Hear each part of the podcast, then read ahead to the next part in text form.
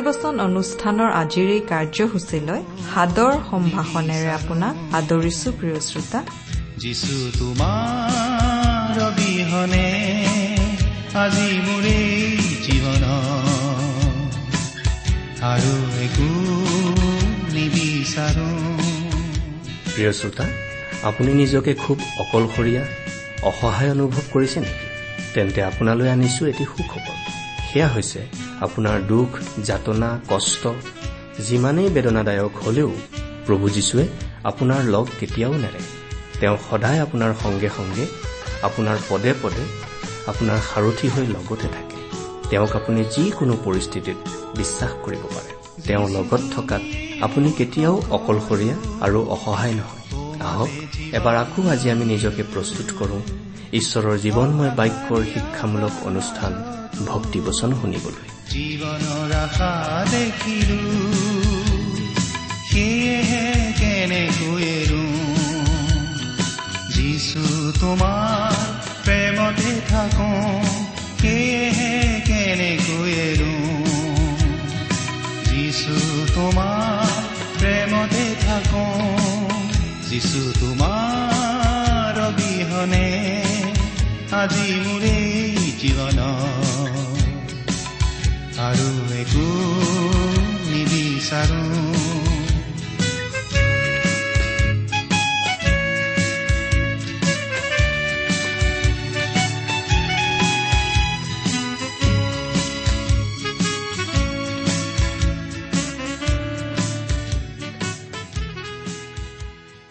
আমাৰ মহান ত্ৰাণকৰ্তা প্ৰভু যীশুখ্ৰীষ্টৰ নামত নমস্কাৰ প্ৰিয় শ্ৰোতা। প্ৰথমতে আপোনাক ধন্যবাদ দিছো আমাৰ এই অনুষ্ঠান শুনি থকাৰ কাৰণে। এই বাইবেল অধ্যয়নৰ অনুষ্ঠান আমি অতি আগ্ৰহেৰে প্ৰস্তুত কৰো আমাৰ শ্ৰোতাসকলৰ সহায় হওক বুলিয়েই। যদিও এই কামৰ বাবে আমি নিজকে উপযুক্ত বুলি নাভাবো কিন্তু আমাৰ মহান ত্ৰাণকৰ্তা প্ৰভু যীশুখ্ৰীষ্টৰ বাণী প্ৰকাশ কৰাৰ যি দায়িত্ব সেই দায়িত্বৰ প্ৰতি সঁহাৰি দিবলৈ চেষ্টা কৰিয়েই আমি আজিলৈকে এই কাম কৰি আহিছো।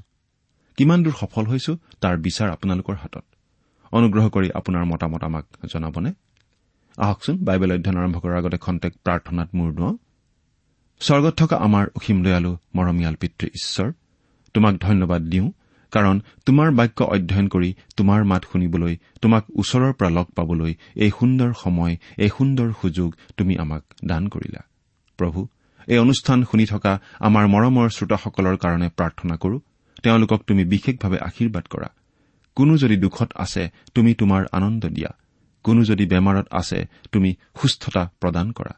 তোমাৰ শান্তিজনক উপস্থিতি প্ৰতিজনক উপলব্ধি কৰিবলৈ দিয়া।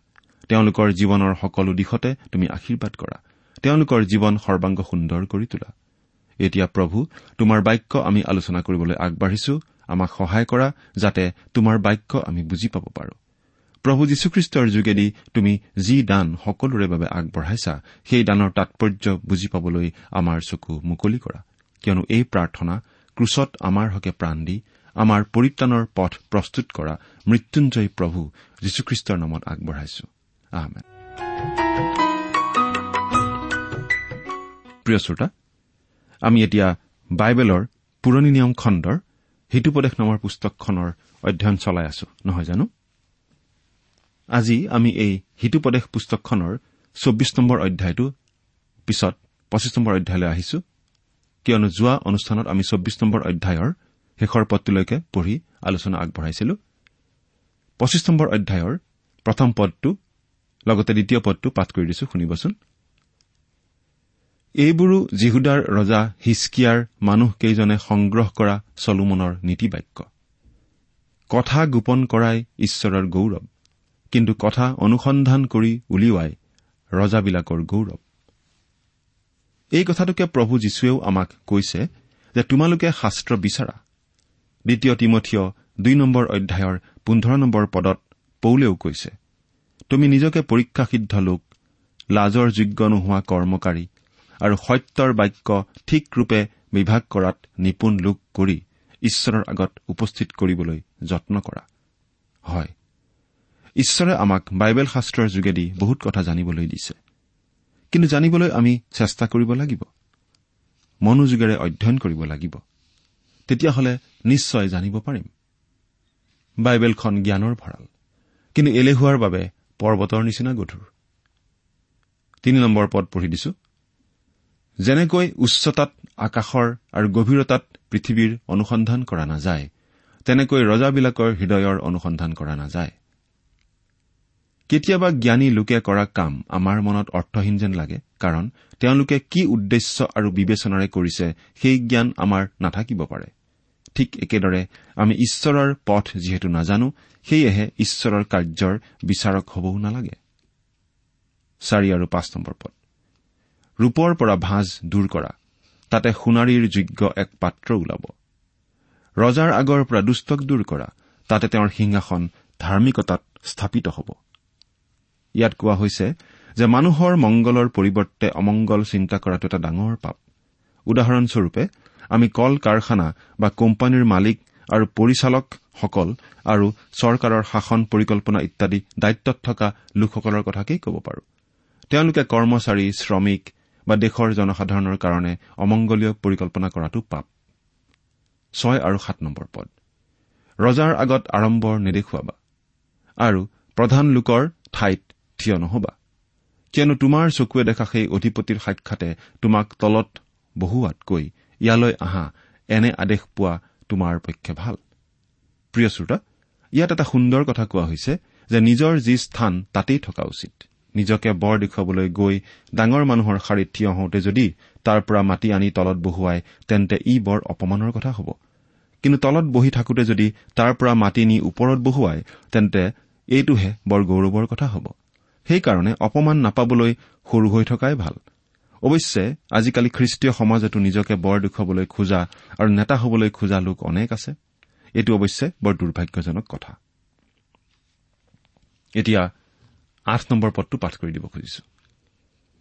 বিবাদ কৰিবলৈ হঠাতে ওলাই নাযাবা। গলে শেষত তোমাৰ চুবুৰীয়াই তোমাক লাজ দিলে তুমি কি কৰিবা? এই সম্পৰ্কে প্ৰভু যীশুৱে দৃষ্টান্ত আকাৰে কৈছিল যে যেতিয়া কোনো এজন ৰজা যুদ্ধলৈ যাবলৈ সাজু হয় তেতিয়া তেওঁ খন্তেক বহি চিন্তা কৰা উচিত যে সেই যুদ্ধত তেওঁ জয়ী হ'ব পাৰিব নে নোৱাৰিব। যদি পাৰিব বুলি ভাবে তেন্তে তেওঁ যুদ্ধলৈ আগবাঢ়ক। কিন্তু যদি নোৱাৰে বুলি ভাবে তেন্তে তেওঁ ৰাজদূত পঠাই শত্ৰুৰ লগত শান্তি চুক্তি কৰাই ভাল। এই বিষয়ে বাইবেলৰ পুৰাতন বিধানৰ দ্বিতীয় ৰজা বুলি তেইছ নম্বৰ অধ্যায় আঠাইছৰ পৰা ত্ৰিশ নম্বৰ পদলৈ ৰজা জুছিয়াৰ এই বৃত্তান্ত পাওঁ। জুছিয়া এজন ভাল ৰজা আছিল। তেওঁ জিহুদিয়াৰ বিৰুদ্ধে শেষ বিদ্ৰোহ পৰিচালনা কৰিছিল আৰু তেওঁৰ নেতৃত্বত বহু মানুহ ঈশ্বৰলৈ ঘূৰি আহিছিল। কিন্তু তেওঁ এটা ডাঙৰ ভুল কৰিছিল আৰু সেই ভুলটোৱেই তেওঁৰ জীৱন ধ্বংস কৰিছিল। ভুলটো এনেধৰণৰ আছিল। ফৰৌন নখু মিছৰৰ ৰজা আছিল। তেওঁ জুছিয়াৰ বিৰুদ্ধে নহয় কিন্তু আন ৰজাৰ বিৰুদ্ধে যুদ্ধ কৰিবলৈ ওলাই আহিছিল। কিন্তু ফৰৌন নখুৱে জুছিয়াৰ বিৰুদ্ধে যুদ্ধ কৰিবলৈ অহা বুলি ভাবি তেওঁ সৈন্য সামন্তলৈ যুদ্ধ কৰিবলৈ ওলাই গ'ল। তেতিয়া ফৰৌন নখুৱে জুছিয়াক কৈছিল মই তোমাৰ বিৰুদ্ধে যুদ্ধ কৰিবলৈ অহা নাই কিন্তু জুছিয়াই এই কথা নুশুনি যুদ্ধ কৰিলে কাৰণ তেওঁ ডেকা ৰজা আছিল। হলেও এই যুদ্ধতে তেওঁ মৰা পৰিল। এই যুদ্ধই তেওঁৰ জীৱনৰ বৰ অপযশৰ কাৰণ হৈ পৰিল। কিন্তু তেওঁ যদি যুদ্ধ কৰাৰ আগতে জয়লাভ কৰিব পাৰিব নে নোৱাৰিব চিন্তা কৰি যুদ্ধ নকৰা হলে এনে দুৰ্গতি নহলহেঁতেন। সেইকাৰণে প্ৰজ্ঞাই আমাক কৈছে বিবাদ কৰিবলৈ হঠাতে ওলাই নাযাবা। গলে শেষত চুবুৰীয়াই তোমাক লাজ দিলে তুমি কি কৰিবা? ন আৰু দহ নম্বৰ পদ। অকল ওচৰ চুবুৰীয়াৰে সৈতেই তোমাৰ বিবাদ প্ৰতিবাদ কৰা কিন্তু পৰৰ গুপুত কথা প্ৰকাশ নকৰিবা। কৰিলে শুনোতাই তোমাক বিকৰ্থনা কৰিব আৰু তোমাৰ অপযশ নুগুচিব। প্ৰিয় শ্ৰোতা আমি যদি কোনো মানুহৰ গুপুত পাপৰ কথা জানো তেন্তে তেওঁৰ ওচৰলৈ গৈ অকলশৰে সেই কথা নিষ্পত্তি কৰিব লাগে। কিন্তু তাকে নকৰি যদি আমি বাটে ঘাটে সেই মানুহৰ বদনাম গাই ফুৰো নাইবা সমাজৰ আগতে তেওঁৰ গুপুত পাপৰ কথা কৈ অপমান কৰো তেন্তে সেয়া নিজৰ মূৰ্খামী হ'ব আৰু আন মানুহেও নিজকহে বেয়া বুলি ক'ব। গতিকে কোনো মানুহ বেয়া হলেও সমাজৰ আগত অপমান কৰিব নাপায়। ৰূপৰ দালি খৰাহীত থোৱা সোণৰ সুমথিৰাবোৰ যেনে উচিত সময়ত কোৱা বাক্যও তেনে। ইয়াত এটা সুন্দৰ উদাহৰণেৰে ধুনীয়া কথা কোৱা নাইনে? সোণৰ আপেল। আপেল কি সুন্দৰ আৰু সুস্বাদু ফল নহয়নে বাৰু? অৱশ্যে এই আপেলটোকে ইয়াত সুমথিৰা বুলি কোৱা হৈছে আৰু গোটেই জগতজুৰি ই পৰিচিত আৰু জনপ্ৰিয়। চলোমনৰ সময়ত ইছৰাইলত যথেষ্ট পৰিমাণৰ সুমথিৰা উৎপাদন হৈছিল আৰু এইবিলাক উন্নত মানৰ আছিল। পানীৰ অভাৱত পিয়াহত ই তৃপ্তি দিয়ে আৰু শৰীৰৰ বাবেও উপকাৰী। ঈশ্বৰৰ বাক্যৰ পৰা কোৱা জ্ঞানৰ কথাও বৰ উপকাৰী। বাইবেলত আমি পাওঁ যে কিছুমান মানুহে উচিত সময়ত উচিত কথা কৈ বৰ ডাঙৰ উপকাৰ কৰিছিল। উদাহৰণস্বৰূপে নাথনে যে ডায়ুদৰ পাপৰ কথা সোঁৱৰাই দিছিল ই উচিত সময়ত উচিত কথা আছিল। এনে কথা মৰমখনাও হ'ব পাৰে নাইবা গালি ধমকিও হ'ব পাৰে কিন্তু উচিত সময়ৰ উচিত কথাই উপকাৰ কৰে। আমি খ্ৰীষ্টীয় লোকসকলেও প্ৰাৰ্থনা কৰিব লাগে যাতে আমিও যথাস্থানত যথোপযুক্ত কথা কৈ আনক সহায় কৰিব পাৰোঁ। কাৰণ উচিত কথা অনুচিত সময়ত বা উচিত সময়ত অনুচিত কথা কওঁতাৰ পৰা একো লাভ নাপাব পাৰো বৰং বিপদহে হ'ব পাৰে। সোণৰ কুণ্ডল আৰু শুদ্ধ সোণৰ অলংকাৰ যেনে মন দি শুনা কাণলৈ জ্ঞানবান অনুযোগকাৰী তেনে। প্ৰিয় শ্ৰোতা তিৰোতাৰ সুন্দৰ সোণৰ কাণফুলি আপুনি নিশ্চয় দেখিছে। তিৰোতা মানুহে সেই কাণফুলি পিন্ধিলে বৰ শুৱনি দেখি কিন্তু মতা মানুহে পিন্ধিলে পগলা মানুহ বা ফক্কৰ মানুহ যেন লাগিব। জ্ঞানৰ কথাটো তেনেকুৱাই। জ্ঞানৰ কথাই জ্ঞানীৰ কাণত শোভা পায় অজ্ঞানৰ কাণত শোভা নাপায়। অজ্ঞানক যদি আপুনি মাৰি ধৰি গালি গালাজ পাৰিও জ্ঞানৰ কথা কয় সি কেতিয়াও নুশুনে। লাগিলে সি জ্ঞানৰ শিক্ষা দিয়া মানুহজনৰ পৰাই আঁতৰি থাকিব। তাক আপুনি বুজাব নোৱাৰে কিন্তু জ্ঞানীক বুজালে সি বুজিব। এনে কিছুমান মদপী মানুহ আছে যিসকলক সমাজৰ আগত বুজালে গালি পাৰিলে বা মাৰ ধৰ কৰিলে সি মদ খাবলৈ নেৰে। আনকি ঘৰত ল'ৰা তিৰোতাই খাবলৈ নাপাই হাহাকাৰ কৰি থাকিলেও সি মদ খাবলৈ নেৰে। এনে মানুহক আপুনি কি কৰিব? এটা সময়ত অৱশ্যে সি অনুতাপ কৰিব পাৰে। কিন্তু তেতিয়া বহুত পলম হৈ যাব পাৰে। সেইকাৰণে সোণৰ লগত জ্ঞানৰ কথাক তুলনা কৰা হৈছে। জ্ঞানৰ কথা উচিত সময়ত উপযুক্ত মানুহক কলে সেই কথাই কাণৰ শোভা বঢ়ায়। এতিয়া তেৰ নম্বৰ পদটো পাঠ কৰি দিছো। শস্য দোৱাৰ সময়ত হিমৰ চেঁচা যেনে পঠুৱাবিলাকলৈ বিশ্বাসী দূত তেনে। কিয়নো সি নিজ গৰাকীৰ প্ৰাণ জোৰায় ইছৰাইল দেশত শস্য কটা সময়ত বৰ গৰম হয়। সেয়েহে সেই সময়ত কিছুমান মানুহে হিব্ৰুণ পৰ্বতলৈ গৈ তাৰ পৰা বৰফ বান্ধি আনি শস্য কটা পথাৰত খাইছিল। অহ ইমান গৰমত বৰফৰ পানী। সেই পানী খাই তেওঁলোকৰ প্ৰাণ জোৰ পৰি গৈছিল। এই বৰফৰ পানীৰ লগত বিশ্বাসী দূতক তুলনা কৰা হৈছে। কাৰণ বিশ্বাসী দূতৰ বাৰ্তাই হৃদয়ৰ উদ্বিগ্নতা আশংকা আৰু অনিশ্চয়তা দূৰ কৰি শান্তি দিয়ে। বিশ্বাস হ'ল এনে এটা গুণ যাক সকলোৱে ভাল পায়। এজন পুৰুষে বিশ্বাসী ভাৰ্যাক ভাল পায়। পিতৃ মাতৃয়ে বিশ্বাসী সন্তানক ভাল পায়। মালিকে বিশ্বাসী কৰ্মচাৰীক ভাল পায়। মণ্ডলীৰ মানুহে বিশ্বাসী পালকক ভাল পায়। ইত্যাদি ইত্যাদি। বিশ্বাস হ'ল এটি হৃদয়ৰ তৃপ্তিদায়ক গুণ। বিশ্বাসী মানুহ পোৱা মানে হ'ল পিয়াহত অন্ধ কণ্ঠ শুকাই যোৱা সময়ত পোৱা এগিলাচ বৰফৰ পানীৰ নিচিনা। পদ। যিকোনোৱে মোৰ বিশেষ বৰ আছে বুলি মিছাকৈয়ে দৰ্প কৰে তেওঁ বৃষ্টিহীন মেঘ আৰু বতাহস্বৰূপ কিছুমান মানুহে কোনো কামৰ বিশেষ দক্ষতা নথকাকৈয়ে অনাহকত গৰ্ব কৰে। এগৰাকী বিখ্যাত বাইবেল পণ্ডিতে কৈছে যে তেখেতে এনে এজন মানুহৰ পৰা এখন চিঠি পাইছিল। যিজন মানুহে নিজকে একাধাৰে এজন প্ৰচাৰক এজন বাইবেল শিক্ষক এজন গায়ক আৰু এজন বাদ্যকৰ বুলি পৰিচয় দিছিল আৰু সেইজন মানুহে তেখেতৰ মণ্ডলীত এখন কৰ্মশালা পাতিব বিচাৰিছিল। সেই চিঠিখন সেই বিখ্যাত বাইবেল পণ্ডিতজনে গীৰ্জাত পাঠ কৰি দিওঁতে সকলোৱে হাঁহিবলৈ ধৰিছিল আৰু দুটা কাৰণত সভা পতাৰ অনুমতি নিদিবলৈ ঠিক কৰিছিল।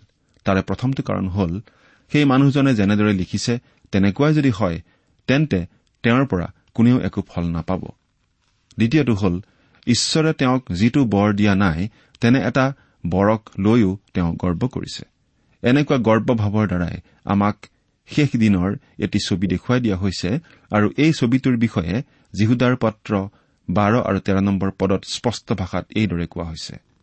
তেওঁবিলাক তোমালোকৰ প্ৰেম ভোজত একেলগে ভোজন কৰোতে পানীৰ তলত লুকাই থকা বিস্ময়জনক শিলস্বৰূপ হয়। তেওঁবিলাকে নিজকে নিজে নিৰ্ভয়েৰে প্ৰতিপালন কৰে। তেওঁবিলাক বতাহৰ দ্বাৰাই চলাই নিয়া পানী নথকা মেঘ। তেওঁবিলাক হেমন্ত কালৰ ফলহীন গছ। তেওঁবিলাক নিজৰ লাজৰূপে ফেন উলিওৱা সাগৰৰ প্ৰচণ্ড ঢৌ। তেওঁবিলাক ভ্ৰমণকাৰী তৰাস্বৰূপ। তেওঁলোকৰ কাৰণে অনন্তকলীয়া ঘোৰ অন্ধকাৰ সাঁচি থোৱা আছে। এয়া চাওক প্ৰিয় শ্ৰোতা অনাহকত দৰ্প কৰাৰ ফল অতি ভয়ংকৰ। পোন্ধৰ আৰু ষোল্ল নম্বৰ পদ। অনেক কাল সহি থকাৰ দ্বাৰাই শাসনকৰ্তাৰ প্ৰবৃত্তি জন্মে আৰু কোমল জীৱাই হাড় ভাঙিব পাৰে। মৌ পালে যিমান প্ৰয়োজন সিমানহে খাবা নহলে অতিৰিক্ত খালে তুমি বটিয়াবা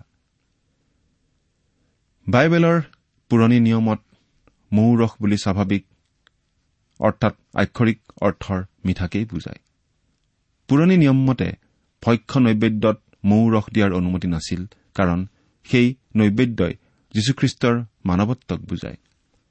যীশুখ্ৰীষ্ট অতি মধুৰ আছিল কিন্তু তেওঁৰ মধুৰতা পাৰ্থিৱ অৰ্থৰ নাছিল ই আছিল স্বৰ্গীয়। আপুনি বাৰু কেতিয়াবা বৰ মিঠামুখীয়া মানুহ লগ পাইছেনে? তেনে মানুহৰ কথা শুনি শুনি আপুনি ভুল নাযাব। নহলে সেই মিঠা কথাই পিছত তিতা হৈ আপোনাৰ বিপদ ঘটাব পাৰে। সোতৰ নম্বৰ পদ। তোমাৰ চুবুৰীয়াৰ ঘৰলৈ কেতিয়াবা কেতিয়াবাহে যাবা। নহলে তেওঁ আমনি পাই তোমাক ঘীন কৰিব। এইটো একেবাৰে সঁচা কথা। ওচৰ চুবুৰীয়াৰ ঘৰলৈ বৰ সঘনাই নাযাব আৰু গলেও বেছি সময় তাত নাথাকিব। বেছি সময় থাকিলে খোৱা বোৱা কাম বনত তেওঁলোকে অসুবিধা পাব আৰু আপোনাক ভাল নোপোৱা হ'ব। তেনেকুৱা হলে আপোনাৰ নিজৰ মান সন্মান কমি যাব আৰু আপোনাৰ প্ৰতি থকা ভালপোৱা আৰু ভক্তিও একেবাৰে ম্লান পৰি যাব। ওঠৰ আৰু ঊনৈশ পদ।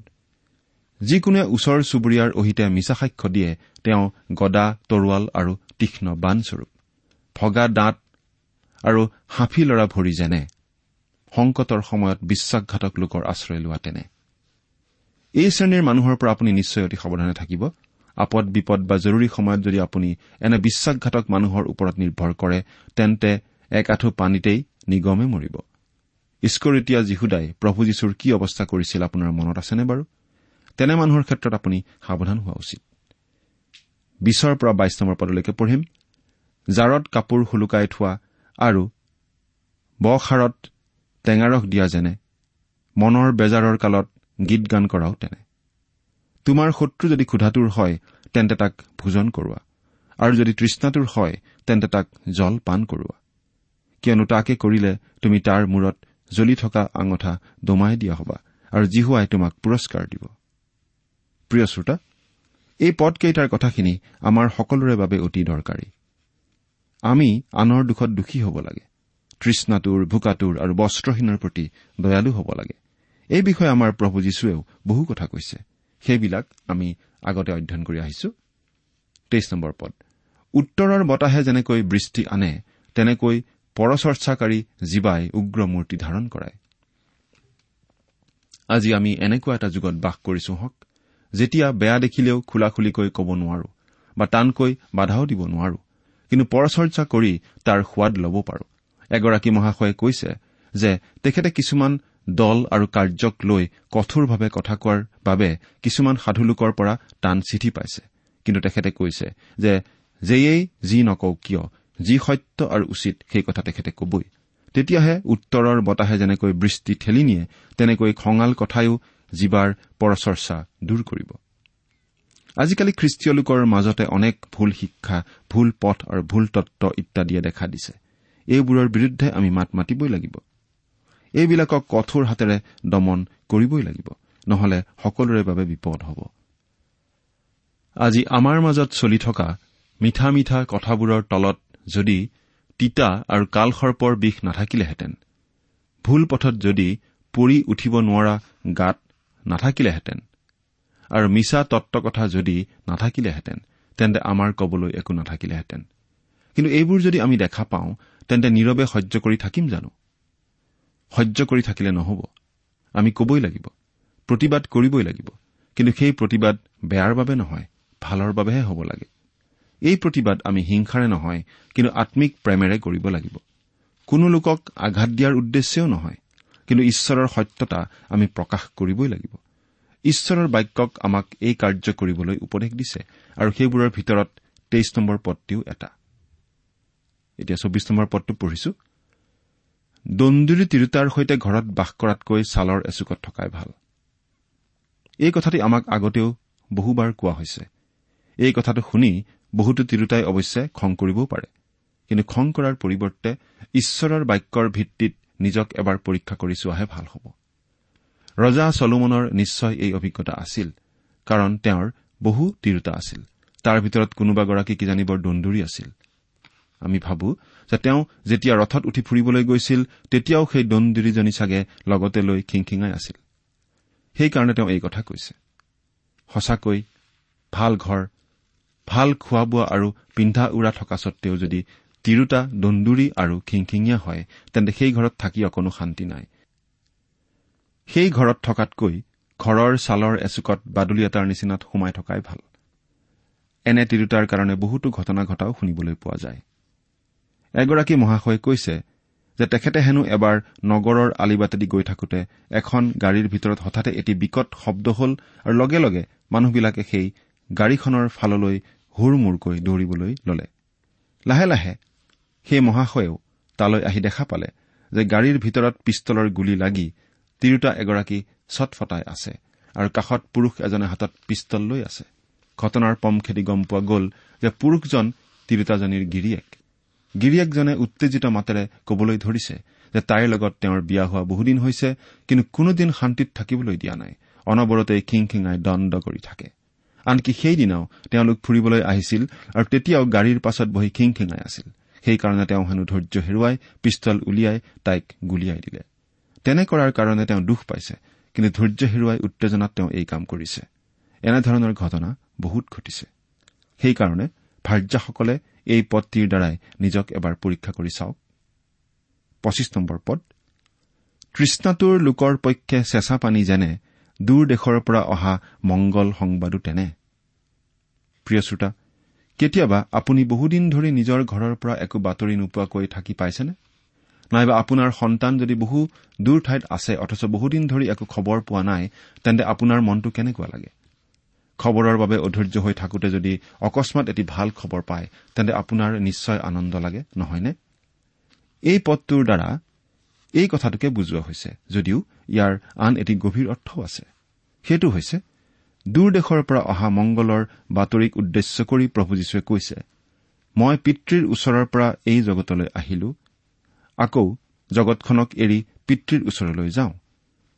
তাৰমানে আমাৰ পৰা বহু দূৰৈত থকা স্বৰ্গৰ পিতৃৰ ওচৰৰ পৰা প্ৰভু যীশু আমাৰ মাজলৈ কিছুদিনৰ বাবে আহিছে মংগলৰ বাতৰিলৈ পৰিত্ৰাণ দিবলৈ।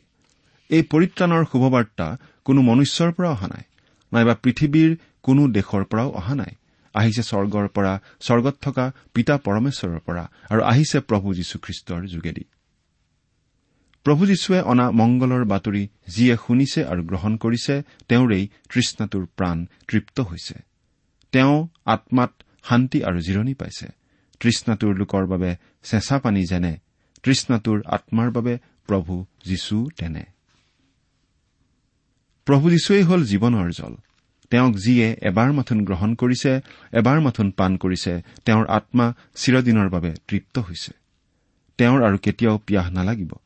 সেই মংগলৰ বাতৰি স্বৰ্গৰ পৰা অনা প্ৰভু যীশুক আপুনি গ্ৰহণ কৰিলেনে? যদি কৰা নাই তেন্তে পলম নকৰিব। আপোনাৰ জীৱনৰ আটাইতকৈ প্ৰয়োজনীয় কাম এইটোৱেই। ঘোলা পানীৰ জৰণি আৰু মলিন ভুমুক যেনে দুষ্টৰ সন্মুখত চঞ্চল হোৱা ধাৰ্মিকো তেনে। প্ৰিয় শ্ৰোতা এগৰাকী বিখ্যাত পণ্ডিতে এনেদৰে কৈছে যে তেখেত যেতিয়া ডেকাকালত চিকাৰলৈ গৈছিল তেতিয়া নিজৰা ভুমুক ইত্যাদিৰ পানী খাইছিল। কাৰণ য'তে ত'তে নিজৰা আৰু ভুমুকবিলাক আছিল। কিন্তু কিছুমান ঠাইত নিজৰা আৰু ভুমুকবোৰৰ পানী ইমান লেতেৰা যে তাক খাবই নোৱাৰি। পানী দেখাতেই ৰঙচুৱা আৰু গেদিয়া হৈ থাকে। কিন্তু কোনো কোনো পৰিস্থিতিত এনেকুৱা হয় যে সেই লেতেৰা পানী নাখালে আৰু আন উপায় নাই। প্ৰিয় শ্ৰোতা এই কথাটোৰ দ্বাৰা এজন ধাৰ্মিক লোকক দুষ্ট লোকৰ লগত তুলনা কৰা হৈছে। আজি এনেকুৱা যুগ আহি পৰিছে যে উপায়হীন হৈ সদায় সত্যৰ হকে মাত মাতি অহা লোকে দুষ্টৰ আগত মূৰ দোৱাবলগীয়া অৱস্থা হৈছে। ব্যৱসায়ৰ ক্ষেত্ৰত সৎ মানুহে অসতৰ ওচৰত কিমানবাৰ নতশিৰ হ'ব লগা হৈছে বা সমাজৰ আন আন ক্ষেত্ৰত কিমান নিষ্ঠাবান চলাওঁতা নেতাই অসৎ নেতাৰ আগত হাৰ মানিবলগীয়া হৈছে? সন্মানীয় আৰু জ্ঞানী কিমান মানুহে চাকৰি বাকৰি পাবলৈ দুষ্ট লোকক কাবৌ মিনতি কৰিবলগীয়া হৈছে? এইবিলাকৰ হিচাপ নাই। আনকি মণ্ডলীতো এই ঘটনা নঘটাকৈ থকা নাই। সত্য ঈশ্বৰ তত্ব সত্য কথা কৈ অহা অনেক বিশ্বাসী লোক হলঠেকত পৰি দুষ্ট লোকৰ লগত আপোচ কৰিবলগীয়া হৈছে। নিজে সৰু হৈ বুজাবুজি কৰিবলগীয়া হৈছে। এইবিলাক কিমান দুখৰ কথা? দুষ্টতাই আজি সততাক গ্ৰাস কৰিব লাগিছে। ক্ষমতা দুষ্টৰ হাতলৈ যাব লাগিছে আৰু ধাৰ্মিকতাৰ জালত পৰিছে। এয়া তৃষ্ণাটোৰ লোকে পানীৰ নিজৰা পায়ো তাৰ পানী লেতেৰা আৰু মলিন হোৱাৰ নিচিনা কথা। যেনেকৈ অধিককৈ মৌ খোৱা ভাল নহয় তেনেকৈ ভাৰী ভাৰী বিষয় অনুসন্ধান কৰাও ভাৰী কথা। যেনেকৈ অলপ মৌ খোৱা ভাল কিন্তু অধিক খোৱা ভাল নহয় ঠিক তেনেকৈ নিজ গৌৰৱৰ কাৰণে অলপ আশা আকাংক্ষা থকা ভাল কিন্তু বেছি হলে বিপদজনক হৈ পৰে। আজিকালি ঈশ্বৰৰ পৰিচৰ্যা কৰা লোকসকলৰ মাজতো কিছুমান অবাঞ্ছনীয় আশা আকাংক্ষা দেখা যায়। যেনে বিশ্বাসত বীৰ হোৱাৰ পৰিৱৰ্তে বৰ ডাঙৰ নেতা হোৱা আনক শাসন কৰিব পৰা ক্ষমতা পোৱা ইত্যাদি। তেনেকুৱা কিছুমান খ্ৰীষ্টীয় লোকক দেখিলে পেটে পেটে খং উঠে নহয়নে বাৰু? কিন্তু আমি তেনেকুৱা হোৱা উচিত নহয়। পদ। যিজনে নিজৰ মনক দমন নকৰে তেওঁ গড় ভগা বা গড় নাইকিয়া নগৰৰ নিচিনা। এই পদটিৰ দ্বাৰা আৱেগ অনুভূতি আৰু উত্তেজনাক দমন কৰিব নোৱাৰা পুৰুষ আৰু তিৰোতাসকলক কোৱা হৈছে। যিসকল আত্মসংযমী নহয় তেওঁলোকে নিজকে এবাৰ পৰীক্ষা কৰি চাওক। কাৰণ আমি মনত ৰখা উচিত যে আত্মসংযম হল পবিত্ৰ আত্মাৰ ফল। গালাটীয়া পাঁচ অধ্যায় বাইছ পদ। অৱশ্যে আৱেগ অনুভূতি আৰু উত্তেজনাৰে কথা কোৱাৰ একো একোটা সময় আছে। প্ৰয়োজন হলে লাভৰ বাবে ক'ব লাগে। কিন্তু সেইটো আমাৰ স্বভাৱ হ'ব নালাগে। এনে স্বভাৱৰ পৰা আঁতৰি থাকিবলৈ দৰকাৰ হলে ঈশ্বৰৰ পৰা আমি সহায় বিচাৰিব লাগে। প্ৰিয় শ্ৰোতা আজিৰ আলোচনাটি আমি ইমানতে সামৰিব খুজিছো। আজি আমি সিটোপদেশৰ পঁচিছ নম্বৰ অধ্যায়ৰ আলোচনা কৰিলো। অহা অনুষ্ঠানত আমি পাছৰ অধ্যায়লৈ যাম হওক। সেই অনুষ্ঠানত আপোনাক পুনৰ লগ পাম বুলি আশা কৰিলো। ঈশ্বৰ আপোনাৰ সহায় হওক। প্ৰিয়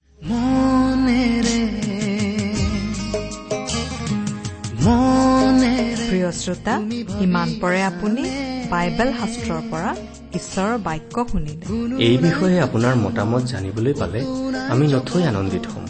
আমি প্ৰস্তুত কৰা বাইবেল অধ্যয়নৰ চিডিসমূহ পাব বিচাৰিলে আৰু অনুষ্ঠানত প্ৰচাৰ কৰা কোনো কথা বুজিব লগা থাকিলেও আমালৈ লিখক আমাৰ যোগাযোগৰ ঠিকনা ভক্তিবচন ট্ৰান্সপল ৰেডিঅ' ইণ্ডিয়া ডাক বাকচ নম্বৰ সাত শূন্য গুৱাহাটী সাত আঠ এক শূন্য শূন্য এক।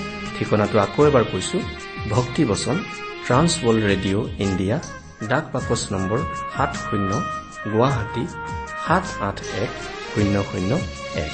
আমাৰ ইমেইল এড্ৰেছটো হৈছে Assamese T TV at the rate radio' eight eight two dot com আমাৰ website W W W dot T W R dot in আপুনি টেলিফোনৰ মাধ্যমেৰেও আমাক যোগাযোগ কৰিব পাৰে। আমাৰ টেলিফোন নম্বৰটো হৈছে nine eight five four zero' four zero' eight eight nine. Phone নম্বৰটো আকৌ এবাৰ কৈছো ন আঠ পাঁচ চাৰি শূন্য চাৰি শূন্য আঠ আঠ ন। আপুনি এই ভক্তিবচন অনুষ্ঠানটি আমাৰ website radio' eight eight two dot কমতো শুনিব পাৰিব। আজিৰ অনুষ্ঠানটি ইমানতেই সামৰিছো। ঈশ্বৰৰ শান্তি আৰু অনুগ্ৰহ আপোনাৰ লগত থাকক। ধন্যবাদ।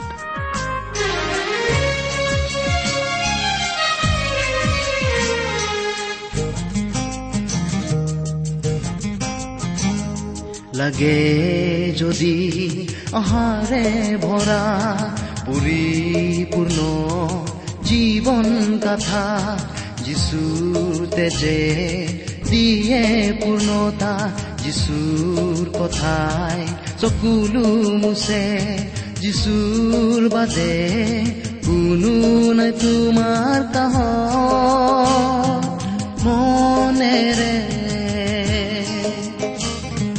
মনেৰে তুমি ভাবিছানে? কোনো নাই কুতুমৰ কতো নাই জগতৰ যিচুৰ বাদে কোনো নাই। কোনো নাই কুতুমৰ কতো নাই জগতৰ যিচুৰ বাদে কোনো নাই। যিচুৰ বাদে কোনো নাই। যিচুৰ বাদে কোনো নাই।